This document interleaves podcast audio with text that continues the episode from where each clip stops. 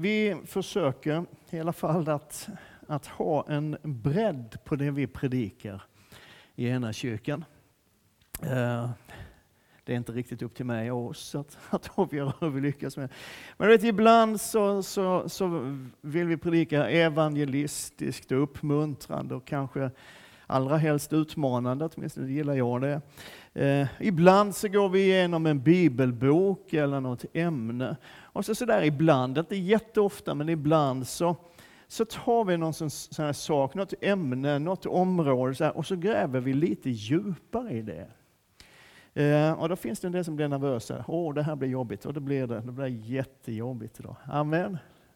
Eh, men lite mer av långsiktigt byggande undervisning Ehm, som faktiskt är bra för oss, som ger oss en stabil grund att stå på och som får oss att förstå saker. Du vet, du som, som känner mig nu efter, efter alla dessa år, du vet, jag gillar att måla den här stora bilden av hur allt hänger ihop och att Gud liksom inte är, är den här som bara griper in lite spontant här och var i vår tillvaro, utan att Gud har en plan och hur den planen ser ut. Och, och så där. Och vi har tre söndagar nu, när vi ska försöka gå lite grann djupare. Det kräver kanske lite mer av dig som lyssnar, men, men det får du stå ut med. Eh, och det här är ett ämne som vi, vi kallar för ett nytt förbund.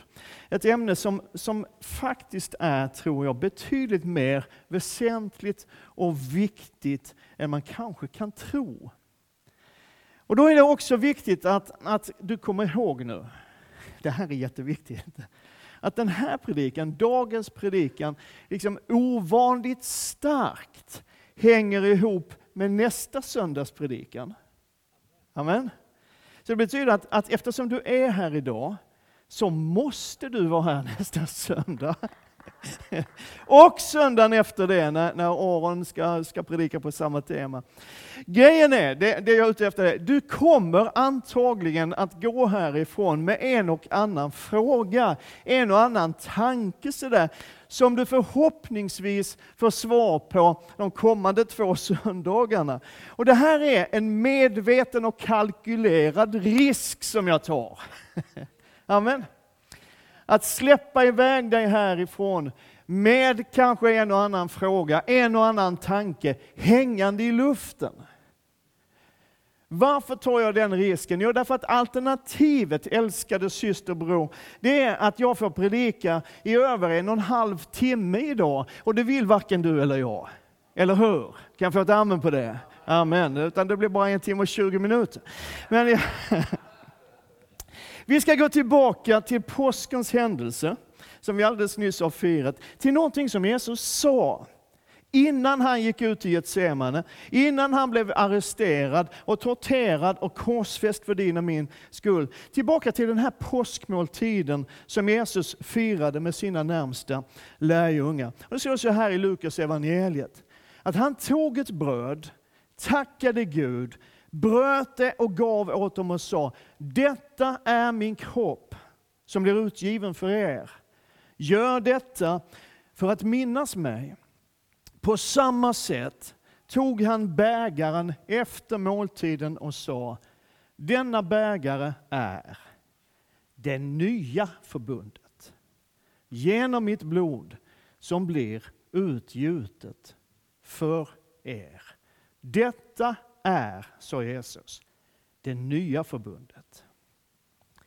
Och vi använder ju inte det här uttrycket förbund så där särskilt ofta. Det, det, är liksom inte ett vardagsord för oss.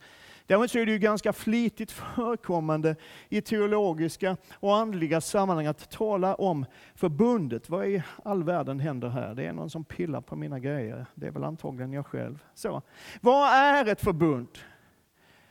Vad betyder det? Ja, men ett förbund är ett bindande avtal mellan eh, två parter eller mer, mer än två parter.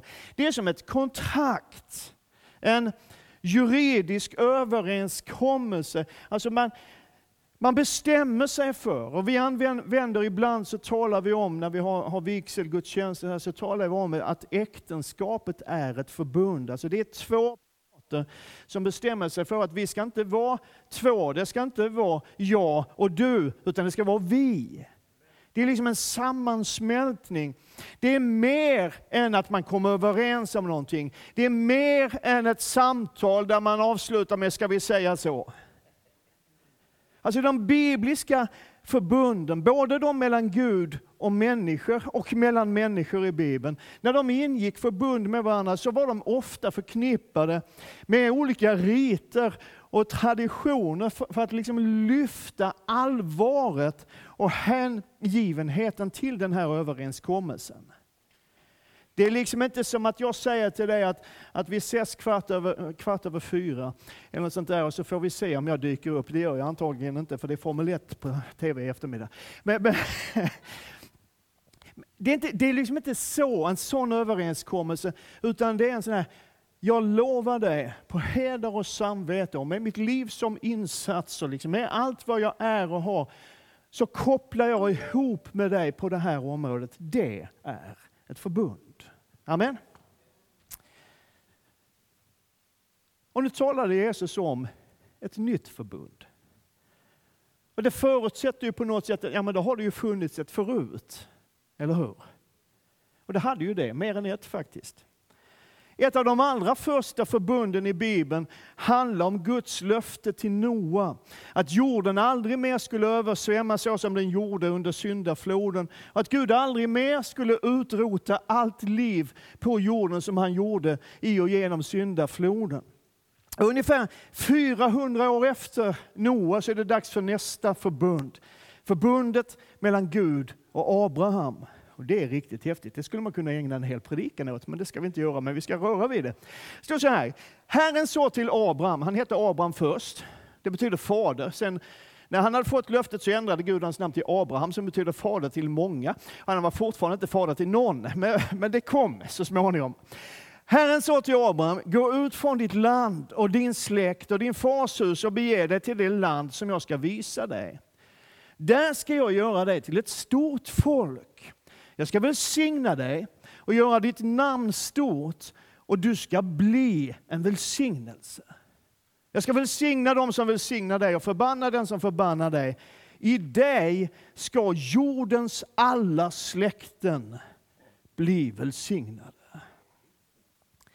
Och det är, ju, det är ju svårt att föreställa sig liksom vad Abraham tänkt när Gud sa det till honom. En man utan barn som levde mitt i ingenstans liksom, skulle bli far till ett stort folk. Men vi som sitter med facit i hand, vi vet ju att så småningom så gick det där löftet i uppfyllelse. Det finns ju fler bitar i det Gud säger till Abraham. Jag ska göra dig till välsignelse. Du ska bli välsignad för att vara en välsignelse. Och i dig ska alla folk, alla länder, alla nationer på jorden ska vara välsignade i dig. Jag vet inte vad du tänker på när du tänker på jordiska länder. På den tiden, för länge, länge sedan, så var det ju inte direkt så att olika folkslag välsignade varandra. Om du läser Bibeln, eller hur? Utan de röjde och de plundrade, de slaktade och de förslavade varandra. Det var vad folk gjorde. Men Gud sa, nej men du ska välsigna. Det är det jag har kallat det till. Det är väl lite grann så nu också. Att vi i olika länder i den här världen inte är så där jättebenägna att välsigna varandra. Eller hur? Utan vi är mer spionerar och förhandlar och, och lägger sanktioner och, och håller på. Men Gud sa att i dig, det folk som kommer av dig, ska jag välsigna hela världen. Folken ska bli välsignade av dig. I alla fall, det går en lång tid. Abraham får sin son, det blir avkomlingar, det börjar växa fram ett folk. Och så småningom så hade Abrahams avkomlingar flyttat till Egypten. Och där har de blivit ett stort folk. Det är ett folk som är så stort så att de började upplevas som ett hot. Men istället för att inte driva ut dem och kasta bort dem och sådär, eh, liksom återvandring, så, så sätter kungen farao det här folket i arbete, i slavarbete. Ungefär tusen år efter Abraham så utser Gud en ledare, en befriare för det där folket, Mose, som i grunden har ett enda budskap till kungen farao. Han säger till dem gång på gång, säger släpp mitt folk. Gång på gång. Och det där tar ju lite tid, det vet du som har läst den bibliska berättelsen. Farao är inte jättevillig att släppa folket. Men den sista natten som de är kvar där, sista natten innan folket äntligen får ge sig iväg, så sitter det judiska folket beredda. De har klätt sig, de har skor på sina fötter, de har stav i handen, de har sin, sin resväska packad och klar. Liksom, och de har slaktat ett lamm och de har ätit tillsammans. Och de har strukit av lammets blod på dörrposterna till sina bostäder. Och den natten, säger Bibeln, så slår en äng, Herrens ängel allt förstfött i Egypten. Men där dörrposterna är bestrukna med blodet från lammet, där går ängeln förbi. Och det är till minne av den räddningen som Jesus och hans lärjungar sitter i övre salen och äter sin påskmåltid. Och det är under den måltiden, till minne av räddningen och uttåget ur slaveriets Egypten, som Jesus tar bägaren och talar om ett nytt förbund. Kommer någonting annat.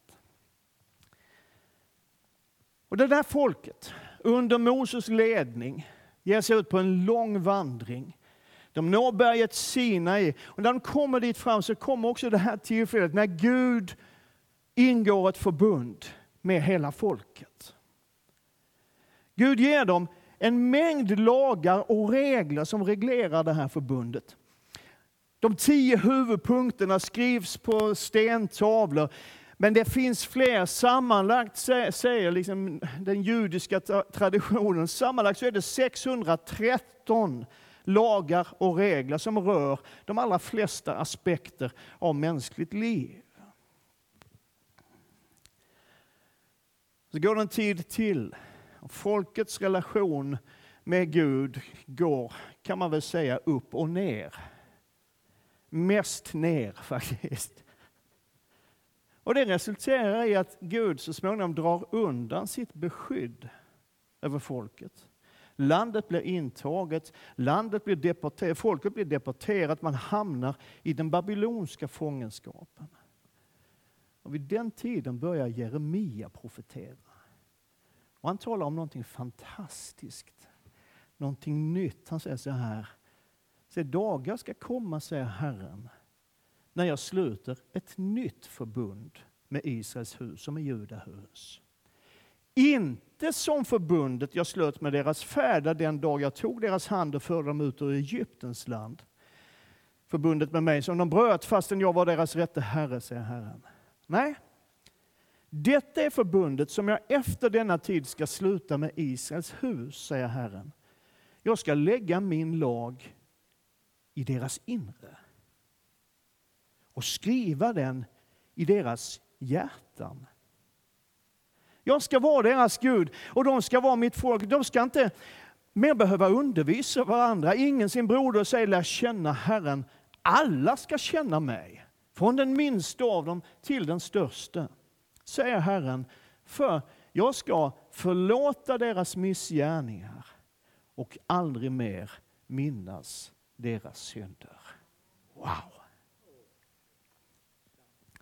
Ytterligare 600 år senare ungefär så tar Jesus brödet och tar vinet och som Paulus beskriver det i texten som vi ofta läser när vi firar nattvard tillsammans. Den natt då Herren Jesus blev förrådd tog han ett bröd, tackade Gud, bröt och sa, Denna kropp är, som, detta är min kropp som blir utgiven för er. Gör detta för att minnas mig. På samma sätt tog han bägaren efter måltiden och sa, denna bägare är det nya förbundet. Det nya förbundet i mitt blod. Så ofta ni dricker av den, gör det för att minnas mig. Det finns två ord för ny i Nya Testamentet. Det ena är neos som betyder att någonting är nytt i tid. Alltså du vet tanken senaste nytt, ungefär så. Va? Alltså någonting som nyligen har hänt, någonting som är nyproducerat. Är du med? Och så finns det kainos, som betyder någonting som är nytt i kvalitet eller nytt i karaktär. Någonting som inte har funnits förut. Något som är annorlunda än allt som tidigare har existerat. Det finns ett, ett tillfälle i Matteus evangeliet där båda orden används i en och samma mening. Det är när Jesus talar om, om nytt vin och gamla behållare, vinlägda säckar. Känner ni igen det där bibelstället? Så säger Jesus så här, nej men nytt vin, det får man hälla i nya säckar eller behållare. Det nya vinet, det är neos. Det betyder, alltså det här det är ju någonting som, på ett sätt är ju det nytt. Evangeliet är ju på ett sätt nytt.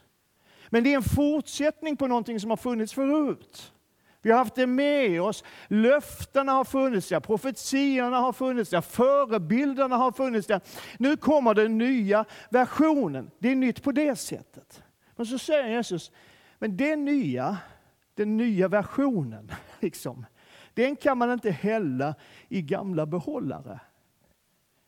Utan då måste man hälla i nya kainos, behållare som aldrig har funnits förut. Någonting helt nytt. Vad är det han syftar på? Ja, jag tror att vinet är evangeliet. Och Det kommer liksom av det gamla, det hänger ihop med det gamla, men det är nyproducerat, det är någonting nytt och fräscht, senaste nytt. Liksom. Goda nyheter. Men de nya säckarna, de nya behållarna, som aldrig har funnits förut. Det Jesus säger det, det här kan vi liksom inte hälla ut över ett folk, över ett land eller ens i templet. Här behövs det förvandlade hjärtan, förvandlade människor. Den levande Gudens församling.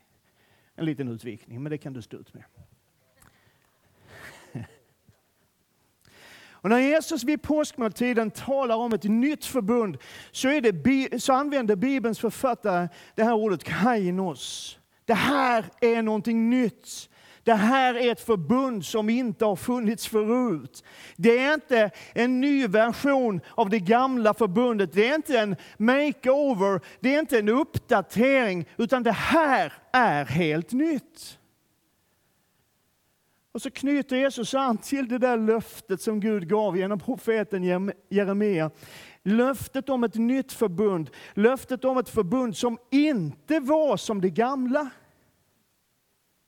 Och det är faktiskt så att det nya förbundet som Jesus instiftar har ganska lite gemensamt med det gamla. Kanske lite chockerande, men så är det. Betydligt mindre än vad vi ibland tror och tänker. För det här är ett förbund som är väldigt annorlunda till sin karaktär och innehåll. Jag ska ge dig ett par exempel. Förbundet som slöts på Sinai med lagen i centrum är ett villkorat förbund. Vad menar du med det? Jag menar att det innehåller och bygger på den här tanken att om du gör, är, tänker, säger, blir och allt det där. Om du, så ska jag. Är du med mig nu? Som gammal datanörd så kommer jag att tänka på basic programmering. Hur många har sysslat med basic programmering? If, then, else, go to kan man också ha med. Ja, nej, vi ska inte fördjupa oss i det, känner jag. Men, men det, det, är liksom den här tanken, alltså det finns en input som genererar en output. Om du så ska jag, säger Gud. Dessvärre finns det också ett else-kommando. Som betyder att om villkoret inte är uppfyllt så tar vi en annan väg. Är du med nu? Då är det någonting annat som händer. Det finns ett exempel, ett klassiskt exempel, 5 Mosebok 28. Det som det är skrivet som en lärobok i basic programmering.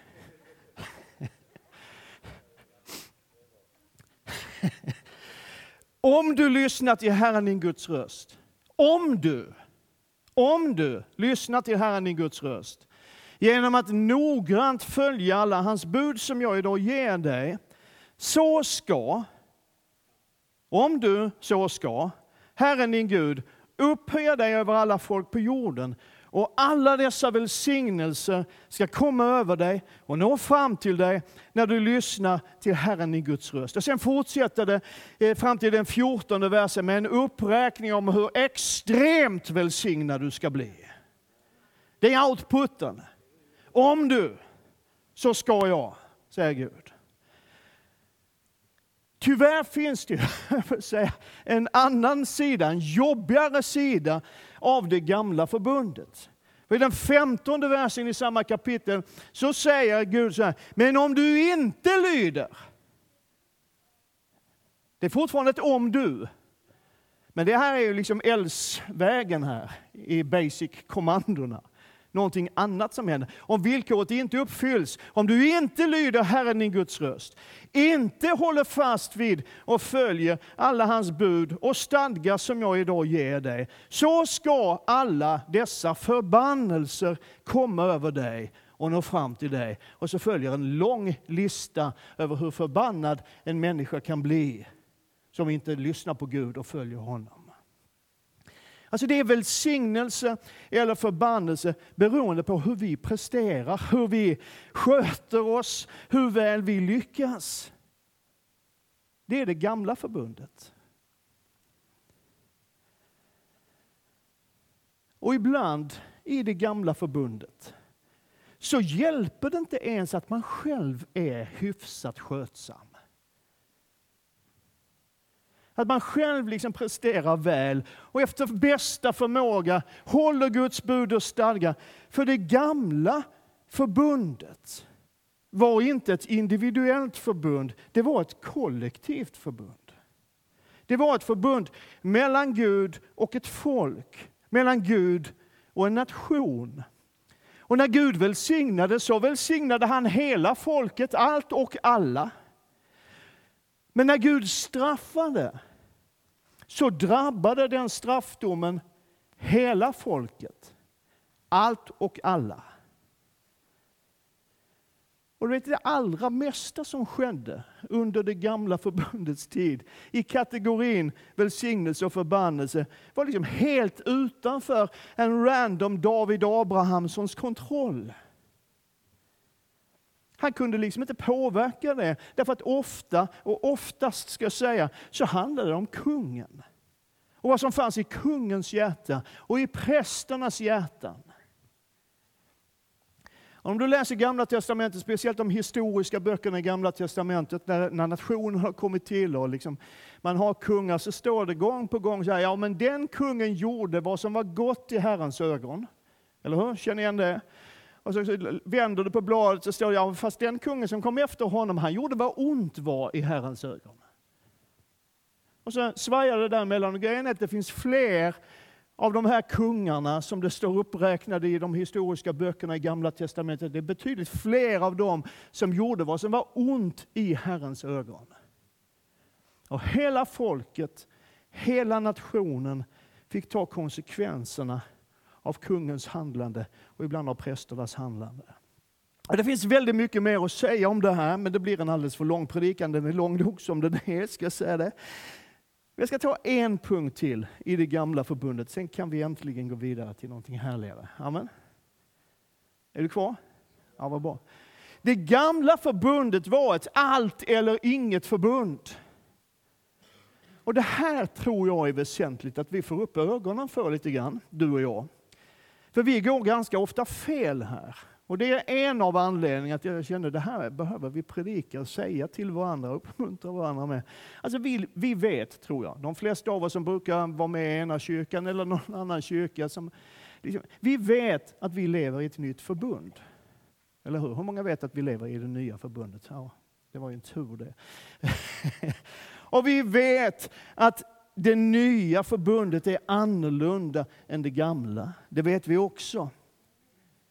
Men ändå återvänder vi ganska ofta till det gamla tankemässigt och känslomässigt. Vi tänker till exempel, nu, nu, nu är jag lite provocerande, det tycker jag är roligt att vara, det vet du redan. Vi tänker till exempel så här, att om jag ger till Guds verk så kommer jag att bli välsignad. Eller om jag håller de tio budorden så kommer det att gå bra för mig. Alltså vi vänder tillbaka till det här prestationsgrundade belöningssystemet. Om jag gör så här så kommer Gud att göra så här.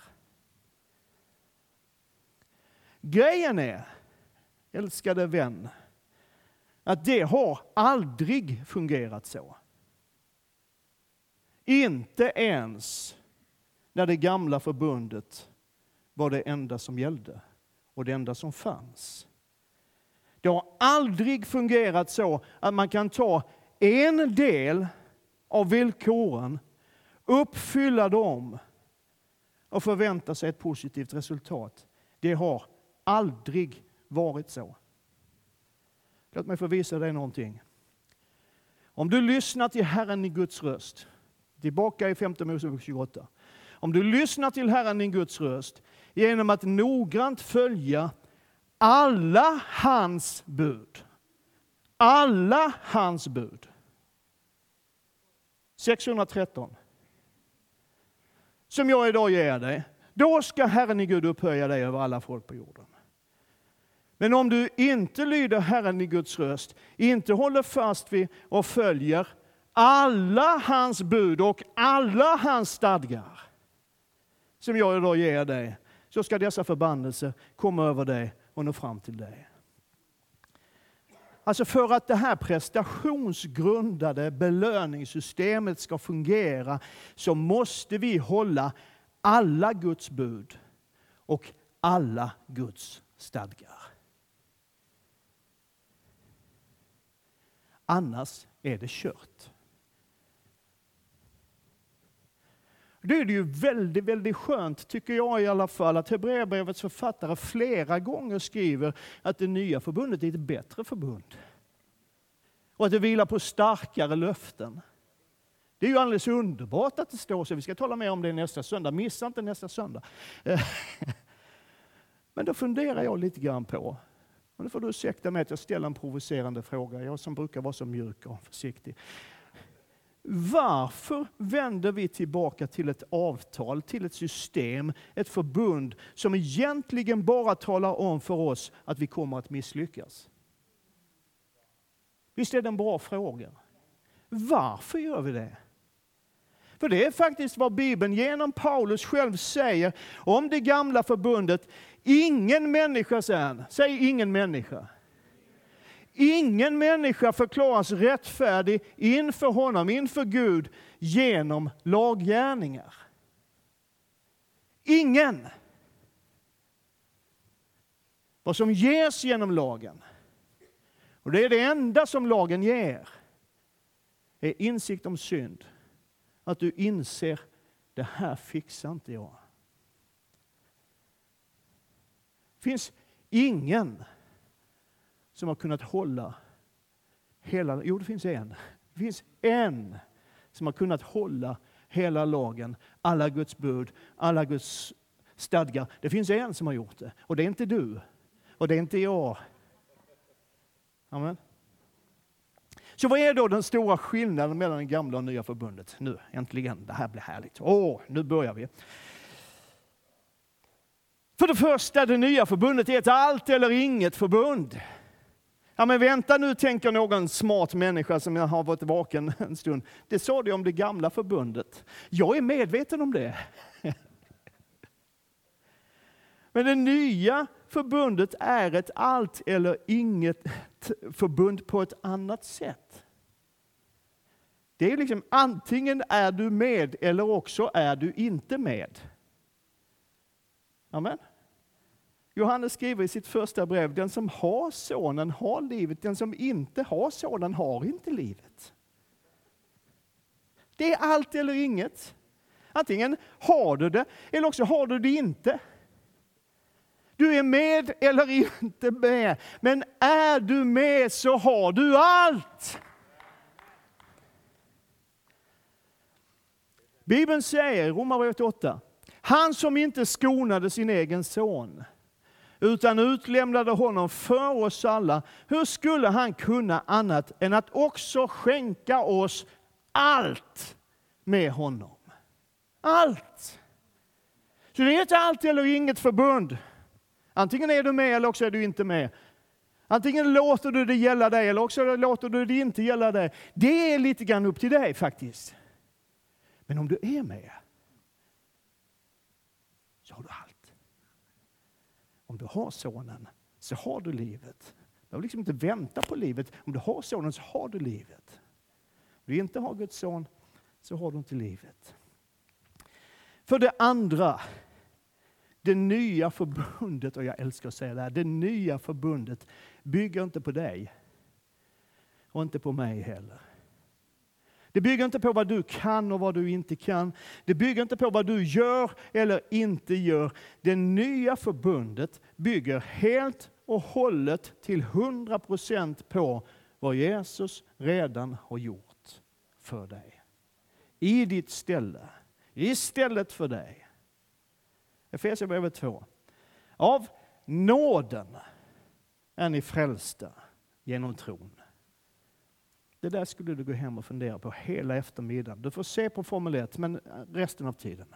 Av nåden är ni frälsta genom tron. Inte av er själva. Guds gåva är det. Inte på grund av gärningar. Inte på grund av gärningar. Inte beroende på om du kan uppfylla alla Guds bud, alla Guds stadgar eller inte. Inte på grund av gärningar. För att ingen ska berömma sig. Kan all beröm gå till Jesus Kristus som har gjort allting för din plats i Guds rike istället för dig, för din skull och i en fullständigt och ändlig kärlek till dig. Sista punkten för idag. Det blev inte så långt delet. Det, var bara, ja, det kan det ju bli, det vet vi ju inte än. Vi återkommer om det. Sista punkten. I det nya förbundet är du redan välsignad. Ja, det var ju kul. Eh. Är du här då? Alltså att i det nya förbundet är du redan välsignad. Du, vet, du behöver inte göra någonting för att bli välsignad. Du är välsignad. Sjukt välsignad. Alltså I texten som vi läste från femte Mosebok 28 så fanns det, det fanns en väg till att bli välsignad och så fanns det en väg till att bli förbannad. Eller hur? Och du som har varit med under ett tag, du vet vi har undervisat om det här förut. Vi har citerat Galaterbrevet 3.13. Kristus har friköpt oss från lagens förbannelse. Det är ju härligt. Jag vet att jag har sagt nästan ordagrant det jag ska säga nu, så här, för vi har talat om det här förut. Om det finns två saker, det finns välsignelse och så finns det förbannelse. Välsignelse, förbannelse, de två sakerna existerar. Och så kommer Jesus och så tar han bort förbannelsen vad är kvar? Nej, väldigt pedagogisk undervisning. Välsignelsen är kvar. Men det är ju underbart, eller hur? Men grejen är, det är ännu bättre än så, för det nya förbundet är ett bättre förbund och det vilar på starkare och härligare och mer underbara löften. I det nya förbundet är inte ens välsignelsen villkorad.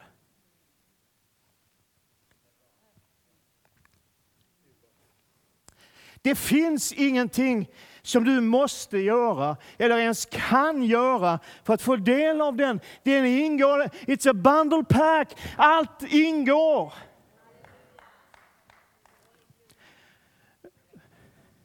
Ja, det är väl en styggelse att åka på ändå.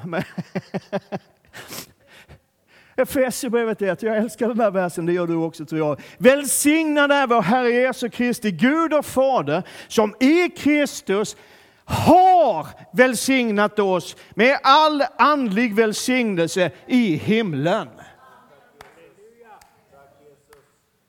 Wow! Han har gjort det. Han har välsignat det. Ja, men då är det ju ingenting du behöver göra för att bli välsignad. Du kan sluta de här strävandena och jobba och slita och hålla på för att du ska bli välsignad. Du är välsignad. Ja, hur mycket då? Det, kan, det kanske finns lite till. Nej, det finns inte mer. Jag älskar att säga det. Det finns inte mer välsignelse än du redan har fått. Visst låter det uppmuntrande, men grejen är att det är sant. Fan, grejen är, problemet är att du inte har tagit ut av dig allt det som finns. Det är problemet. Men allting av välsignelse som någonsin har funnits i himlen är redan ditt. Allt. Till och med till mig. kan man knappt tro, men så är det. Alltså, hur mycket välsignelse finns det i himlen? Sjukt mycket, eller hur? Ja, jättemycket. Väldigt mycket. Mer än du kan tänka. Vad inget öga har sett och inget öra har hört och vad ingen människa ens har kunnat ana har Gud berett för de som älskar honom. Så det är rätt mycket välsignelse i himlen.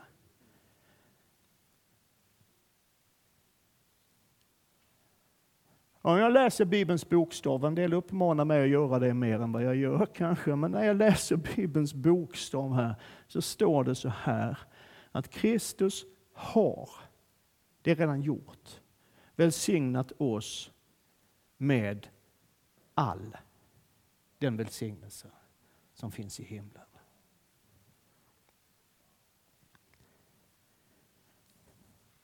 Då kan man ju igen undra varför återvänder vi till ett avtalat system som bara kan tala om för oss att det här kommer inte att gå. När det finns ett avtal, ett system, ett förbund som säger att det här är redan klart. Det här är redan ditt. Det här tillhör dig redan och du kan leva i det. Så det nya förbundet, och sammanfatta lite. Det är ett allt eller inget förbund. Du är med eller också är du inte med. Men är du med så är allt ditt. Det bygger inte på dig, utan det bygger helt och hållet på Jesus Kristus. Och i det nya förbundet behöver du inte kämpa för att få tag på Guds välsignelse, för du är välsignad. Och nu kanske du sitter, som jag sa i början, här, sitter med en och annan fråga. Alltså där. Om du inte gör det så ska du få några av mig. så jag kan mässa med ditt huvud under veckan som ligger framför. Ska man strunta då, om, om, om det här är sant som du säger Hultberg, liksom, ska man strunta då i vad Gamla Testamentet säger? Gäller inte löftena i Gamla Testamentet längre? Eller kan man leva hur som helst då om ingenting beror på mig och mitt sätt att vara och prestera och, och, och sådär? Finns det liksom inga regler kvar alls? Det och lite annat ska vi prata om nästa söndag.